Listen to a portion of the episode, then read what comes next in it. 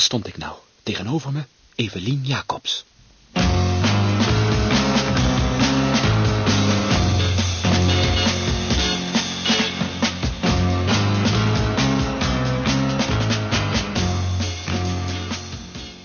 Ik staarde haar aan alsof ik nog nooit eerder een vrouw gezien had.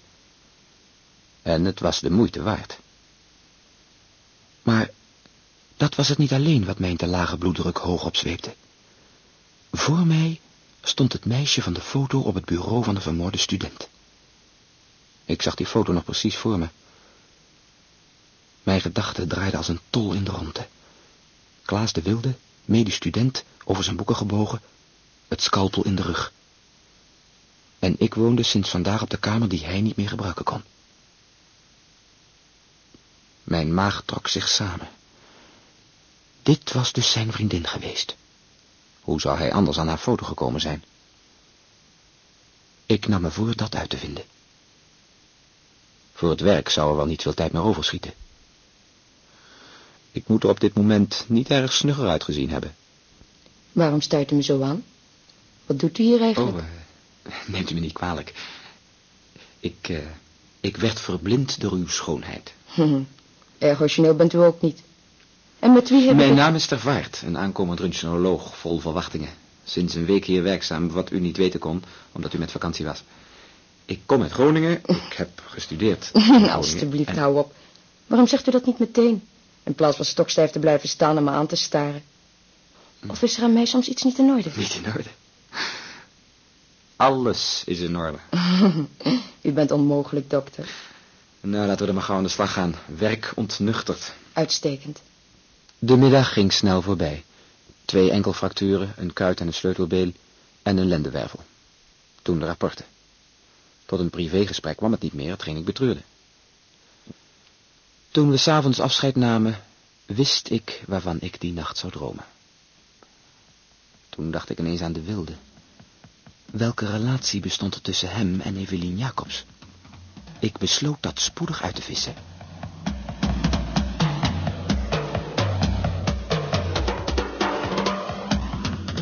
Meisjes hebben altijd medelijden met vrijgezellen. Eenzaamheid en verwaarlozing brengen hun hart in beroering. Bovendien was Evelien precies mijn type. Het was geen opoffering haar uit te nodigen. Of ze zou komen? Ik moest het maar proberen. De gelegenheid deed zich al snel voor. Zoensdags, toen de laatste patiënt afgehandeld was, ging ik tot de beslissende aanval over. Evelien zat net het laatste dossier uit te tikken.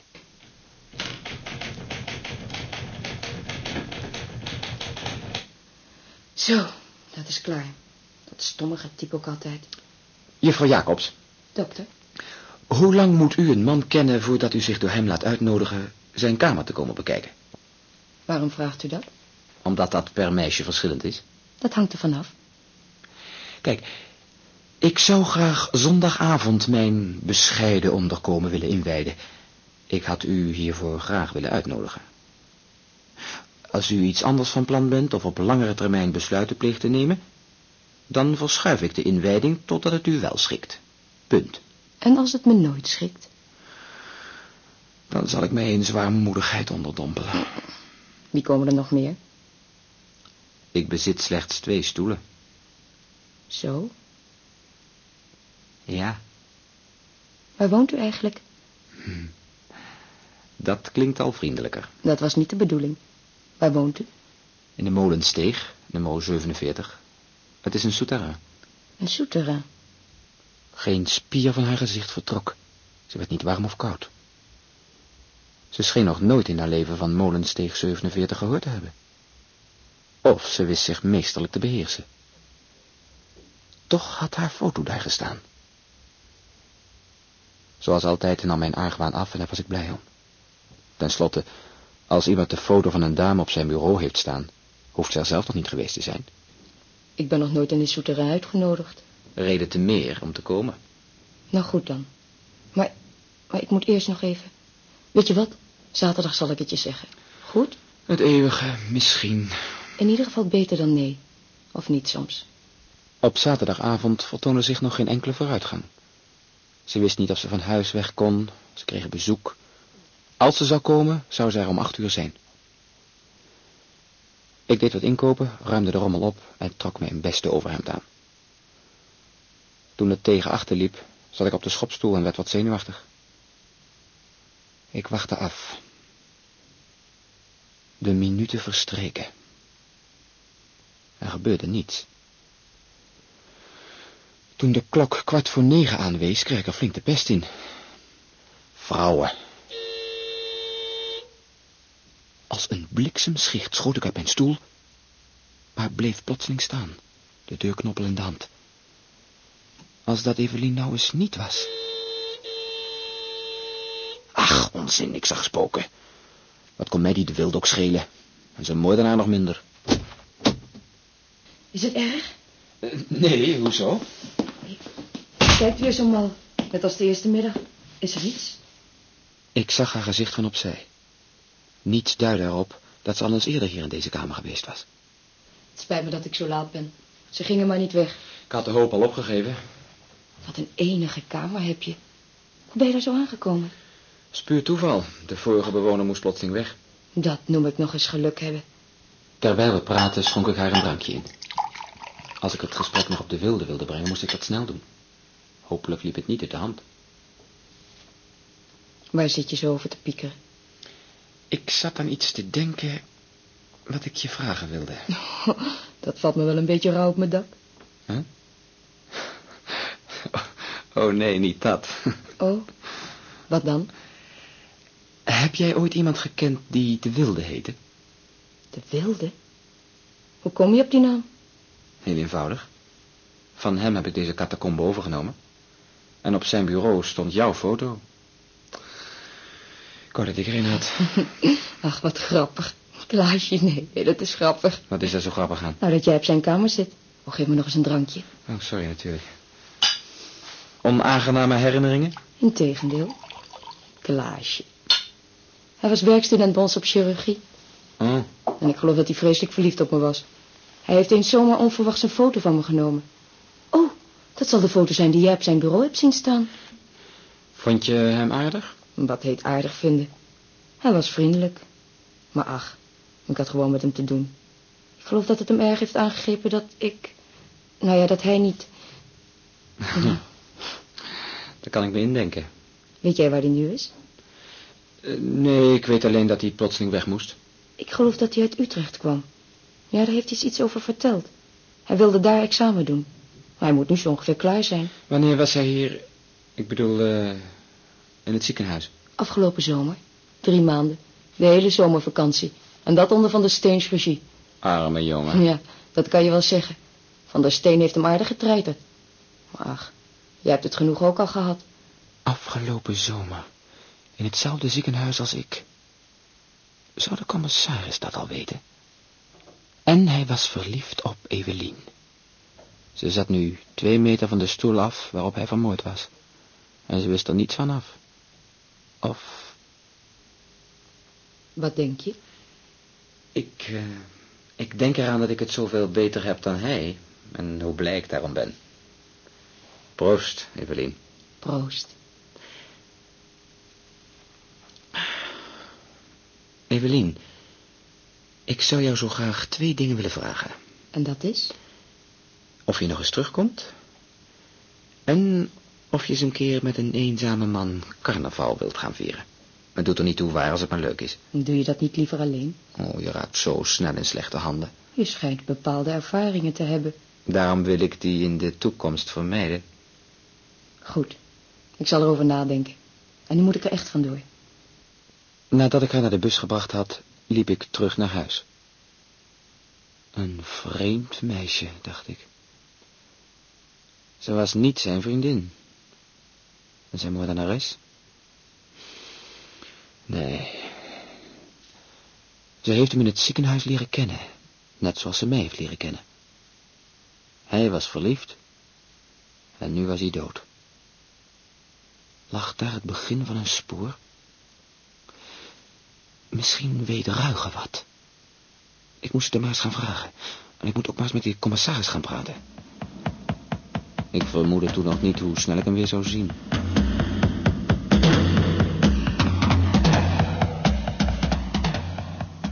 Het valt me altijd zwaar om 's maandags weer aan het werk te gaan. En daarbij kwam nog dat ik me aan onze hoogste chef moest gaan voorstellen. Hij zou vandaag terugkomen van vakantie. Enfin, de gedachte dat ik Evelien weer zou zien verzacht een heleboel. Het was vijf minuten voor drie toen ik het kantoor van juffrouw Meesters, de secretaresse van de baas, binnenstapte. Juffrouw Meesters keek me over haar schrijfmachine aan. Dokter Vaart, gaat u zitten. Dank ik zal zeggen dat u er bent. Mhm. Professor, hier is dokter Vaart voor u. Kan hij... een paar minuten, alstublieft. Ik roep hem wel binnen. De professor roept u wel binnen. Ik heb het gehoord, ja. Dat is een eh, praktische installatie. U kunt er zonder kloppen naar binnen gaan. Dank u. Ik moet namelijk even naar het archief. Mhm. Professor, heeft u me de komende tien minuten nog nodig? Ik moet even naar het archief. Ik heb u niet nodig, u kunt gaan. Dank u. Ik ben zo terug. Mhm. Ze verdween door de deur naar de gang. Ik stond op, bekeek de intercom, liep naar het raam en ging weer zitten. Er gebeurde niets. Ik trok mijn das recht, controleerde of mijn nagels al schoon waren en wreef de bovenkant van mijn schoenen langs mijn broek. Toen probeerde ik hoe lang ik mijn adem in kon houden.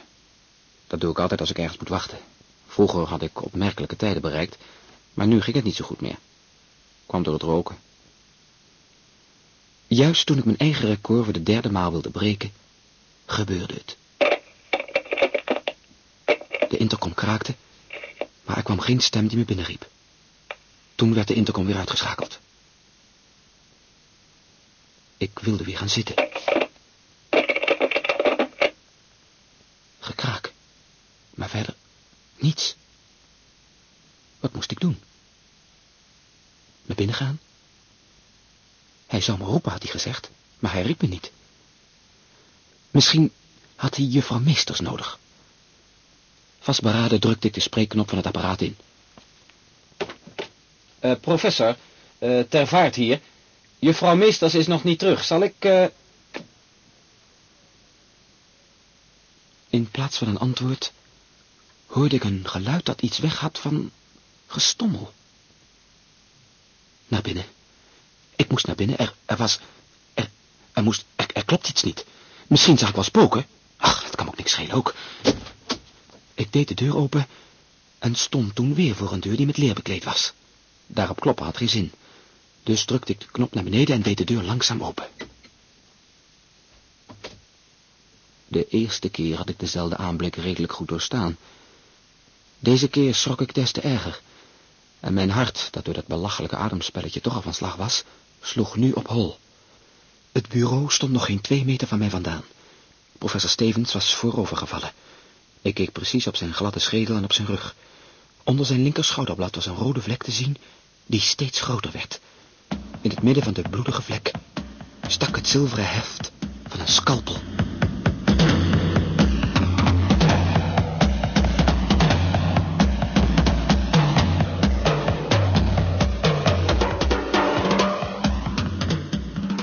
Als je een tweede keer in dezelfde situatie verzeild raakt, reageer je in het algemeen sneller. Met twee stappen was ik bij de deur naar de gang. Alleen daardoor kon de moordenaar op de kamer verlaten hebben. Op slot. Ik remde terug door het kantoortje de gang op. Geen mens te bekennen. Ik rukte aan de gangdeur. Ook op slot. Ik liep terug. De oude man kreunde toen ik hem aanraakte. Zijn lichaam was warm. Zijn handen schokten. Het moest net gebeurd zijn. Zijn linkerhand omklemde de intercom. Ik zette hem rechtop in zijn stoel. Ik wilde hem niet alleen laten om hulp te gaan halen, ik wilde bij hem blijven. Hij begon rochelend en stotend te hoesten. Hij stootte alle lucht uit die nog in hem zat, maar hij ademde niet meer in. Ik hoorde voetstap op de gang. Het volgende moment stond juffrouw Meesters in de deuropening. Nee, god, wat is er? Haal dokter van der Steen, vlug! Hij heeft een hartaanval. Ja, ja, ik, ik ga. Er gingen twee minuten voorbij. Hart? Kom, snel! Ja. maar... Juffrouw wilt u alsjeblieft buiten wachten? En doet u de deur dicht. Hij kwam langzaam naderbij, stap voor stap. Zijn ogen rolden bijna uit hun kassen en de aders op zijn hoofd begonnen aardig te zwellen. Met gehaaste bewegingen voelde hij de pols en bekeek de pupillen. Toen deed hij zijn stethoscoop in zijn oren en knoopte de jas en het overhemd van de professor los. Zijn vingers trilden. Toen luisterde hij lang, terwijl zijn onderkaak nerveus bewoog. Stevens was opgehouden met hoesten. Zijn huid werd koeler en zijn gezonde kleur verdween langzaam. Er was geen hoop meer. Van der Steen nam de stethoscoop weg en richtte zich op. Sprakeloos staarden wij elkaar over de in elkaar gezakte gestalte aan. Hoe is dat mogelijk? Hoe is dat mogelijk? Wie heeft... Ik ben direct naar buiten gerend, er was niemand meer te zien. is maniak. Een waanzinnige. Is onbegrijpelijk. Dokter, de politie moet direct gewaarschuwd worden. Als u er geen bezwaar tegen hebt, dan zal ik dat doen. Ja, ja, doet u dat, maar, maar vlug, alsjeblieft. Vlug. Ik liet de dode zachtjes naar voren glijden. Van der Steen moest alleen met hem achterblijven. Hoe gaat het met hem? Erg slecht. Niemand mag daar binnen. Kan ik even telefoneren? Eh, natuurlijk, gaat u gang. Ik moest tweemaal doorverbonden worden voordat ik de commissaris te pakken had. Zo, waar is er deze keer brand, dokter? Commissaris, er is hier zo even hetzelfde gebeurd als... eh, als in mijn kamer. Huh? In het ziekenhuis? Ja. En ik ben weer de eerlijke vinder. Ah, zo, eh, ja, ik ben er met een kwartier. Eh, niemand erbij laten. Het is op de derde etage de kamer van professor Stevens. Ah, in orde. Commissaris? Wat is er? Wat, wat, wat is er aan de hand? Is, is hij dood? U hoort het bij tijd, juffrouw Meesters. Wimpelt u alstublieft iedereen af die hier binnenkomt, behalve de commissaris natuurlijk. Ja.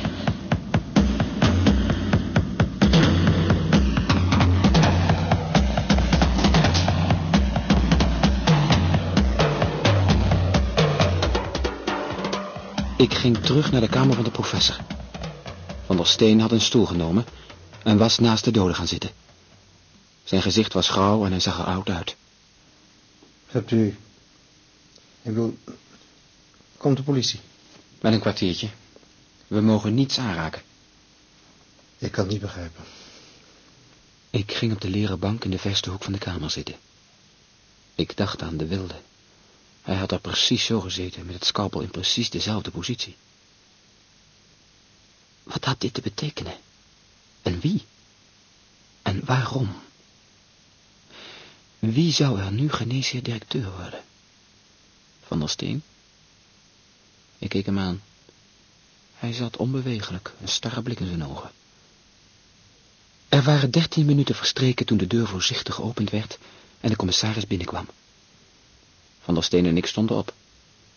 Neutenboom begroette hem eerst, daarna mij. Hij ging tegenover het bureau staan en bekeek de dode. Toen wendde hij zich tot Van der Steen.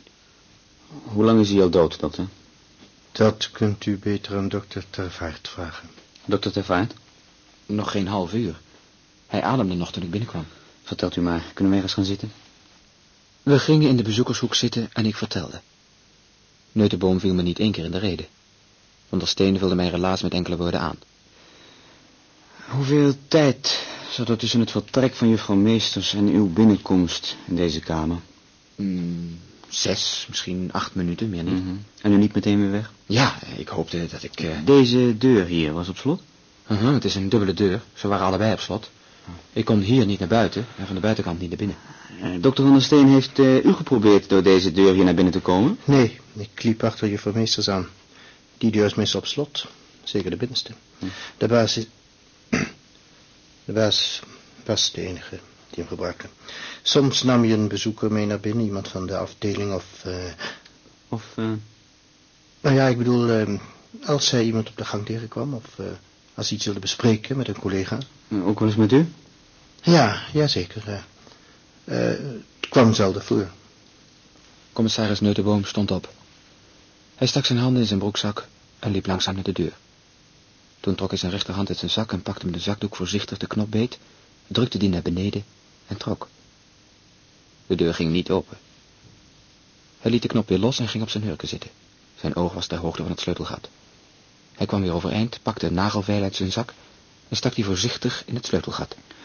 De sleutel zit aan de buitenkant. Dat verbaast me. Hij zit anders altijd aan, aan deze kant. Hoe weet u dat? Eh, ik heb het honderd malen gezien. Hoe zou de baas ook anders de boel op slot kunnen doen?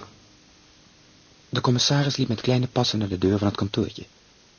Zijn zakdoek nog steeds in zijn hand. Hij liep de kamer uit zonder een woord te zeggen. Even later hoorde ik hoe in het slot van de dubbele deur de sleutel werd omgedraaid. De deur ging open en Neutenboom kwam binnen. Zijn blik ging eerst naar Van der Steen en toen naar mij. Hij deed de deur wijd open, draaide zich om en ging weer op zijn hurken zitten. Nu pas bemerkte ik dat de ruimte tussen deze beide deuren beduidend groter was dan die tussen de deuren naar het kantoortje. Dat werd veroorzaakt door het feit dat de muur daar veel dikker was. De commissaris snuffelde als een speurhond de drempel langs. Toen kwam hij langzaam overeind. Ja, uh, u zult verbaasd staan, mijn heren, maar de buitenste deur zat niet op slot. En de sleutels? Die steken allebei in het slot. De buitenste van binnen en de binnenste van buiten. Dat begrijp ik niet. Oh, daar zijn een paar verklaringen voor. Bijvoorbeeld? Bijvoorbeeld dat de moordenaar nog tussen de beide deuren stond toen dokter Tervaart aan deze deur rukte. Maar, hm. maar hoe kan hij dan ontkomen zijn? Ik bedoel, zonder dat iemand hem gezien heeft. Dan kan het alleen maar iemand die uit het huis geweest zijn. Iemand die precies de weg weet. Vreemdeling zou reddeloos verloren zijn. Reddeloos. We zullen het wel uitzoeken, dokter. Ja, dat hoop ik. Als ik u nu verzoeken mag in uw kamer op mij te wachten. En als ik hier klaar ben, kom ik naar u toe. Zoals u wilt. Van der Steen stond op, wierp nog een laatste blik op de doden en verdween. Dit lijkt verdacht veel op die geschiedenis in uw kamer. Hetzelfde mes, dezelfde positie en dezelfde vinder. Inderdaad. Hm. Verdenkt u mij?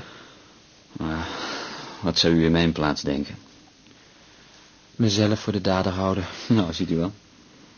Maar gelooft u dan dat ik er behagen in schep hier het ene lijk naar het andere te vinden? Hmm, dat geloof ik niet. Ik ben toch niet naar Breda gekomen om de halve stad om zee te brengen? Dan heeft u nog heel wat voor de boeg.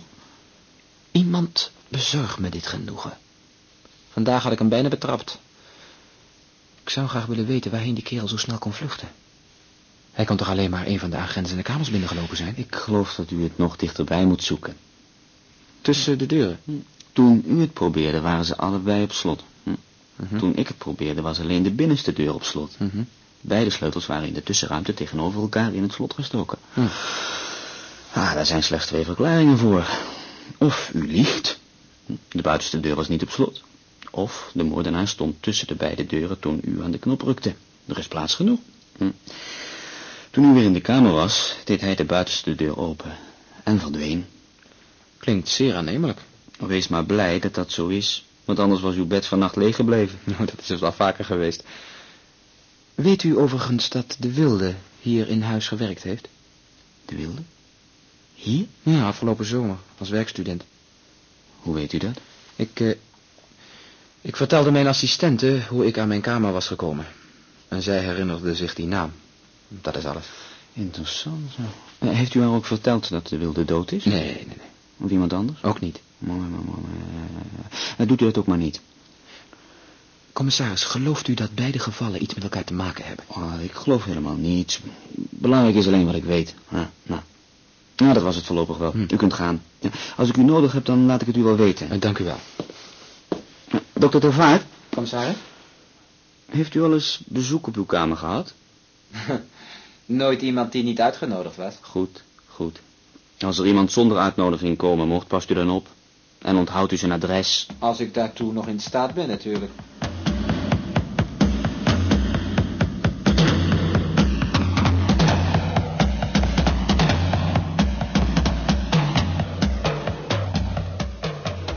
De volgende dag was de opwinding in het ziekenhuis aanzienlijk. De collega's die ik tegen het lijf liep, keken me aan alsof ik plotseling ezelsoren had gekregen, en de verpleegsters schoten met een verlegen glimlach langs me heen. Ik wilde Evelien zo snel mogelijk spreken. Toen ik gisteren van Neutenboom naar beneden kwam, had ik haar niet meer getroffen. Ik wilde haar een beetje voorbereiden. Wie weet, misschien zou hij haar ook door de mangel halen. Ze stond voor het raam toen ik binnenkwam. Was het erg? Hoe mijn kennismaking met de professor afgelopen is, zul je wel weten. Het moet vreselijk geweest zijn. Ja, dat was het ook. Ben jij al verhoord? Nee. Bedoel je dat ik ja, ook... Het zou best kunnen dat hij ook bij jou komt. Het is een, uh, het is een aardige vent. Je hebt dat niet meteen in de gaten. Hij lijkt een beetje op Winnetou, als je tenminste weet wie dat is. Dat weet ik, ja. Oh ja, en eh, wees niet verbaasd als hij jou naar de wilde vraagt. Naar de wilde? Waarom? Nou, ik heb terloops laten vallen dat wij het over hem gehad hadden. Hier in het ziekenhuis. Ik noemde zijn naam en jij herinnerde je hem. Anders niks. Nog jij, nog je foto zijn ooit in mijn kamer geweest. Heb je dat begrepen? Jawel, jawel, maar, maar wat heeft de wilde ermee te maken? Liegen is een nare zaak. Ik was blij dat Ruiger net binnenkwam en mij voor het moment voor een leugen bewaarde. En dokter, alles overleefd? Oh, het gaat. Staat er al wat in de krant? Nog niet. Komt vanavond. Ik sta op de popelen van nieuwsgierigheid. Hoe vond u eh, dat indianenopperhoofd? Hij heeft me niet meegenomen, dus tot zover wel aardig. Maar eh, laten we daar vanavond eens wat verder over praten. Kom eens bij me langs. Eh, ik weet niet. Ik heb bier in huis. Oh, dat hoor ik graag. Goed dan. Afgesproken. Ik, ik zie u wel bij de uitgang. De verdere middag werd er niet meer over het geval Stevens gesproken. Het was half zes toen Ruig en ik het ziekenhuis verlieten. Onderweg kocht hij aan een kiosk een avondkrant. De kop schreeuwde het van de frontpagina. Moord in het ziekenhuis. Een lijk op de eerste pagina doet het altijd goed. Dan loopt de verkoop lekker op. Het belangrijkste staat altijd meer naar achteren. Hij stak de krant in zijn zak en zei niets meer tot we in mijn kamer waren. Woont u hier? Ja, verbaast je dat? Op stand, zeg. Hoe, hoe, hoe bent u in deze nederige catacombe verzeild geraakt? Nou, dat is louter toeval. Heb u gezwijnd? Een, uh, een borreltje bij het bier? Graag. Oh. Kijk eens aan. Alsjeblieft. Heh. Proost. Proost. Ja. Nou, wat staat er in je schandaalblad? Even kijken. Ruigen slofte naar de kapstok en haalde de krant. De zaak was dramatisch opgezet, maar bracht niets nieuws. Veel had Neutenboom niet verraden. Ook mijn naam werd niet genoemd. Dat zal ons hopen patiënten kosten. De hele stad kende Stevens. Ja, En eh, dan die zaak met het scalpel. het moordwapen. Hetzelfde En wat is daarmee? komt uit ons instrumentarium. Oh. Heilige Geertruiden van de OK heeft het me in vertrouwen meegedeeld. En eh, nog wat. Wat dan? Er ontbreken nog twee messen van dezelfde soort.